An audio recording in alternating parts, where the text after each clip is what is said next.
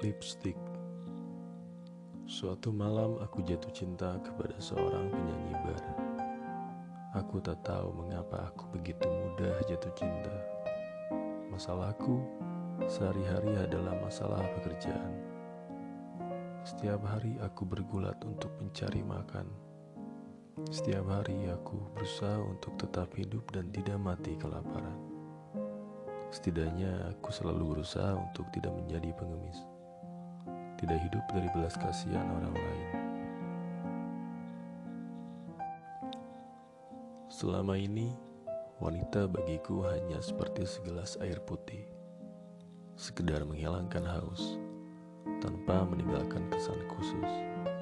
Itulah sebabnya peristiwa jatuh cinta itu menjadi kejutan dalam hidupku.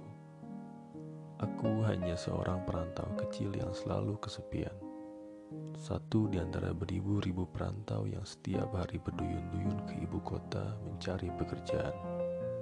Aku tak tahu mengapa banyak orang merasa harus mencari pekerjaan di ibu kota.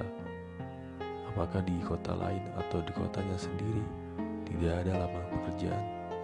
Bahkan di ibu kota pun aku melihat banyak orang yang menganggur.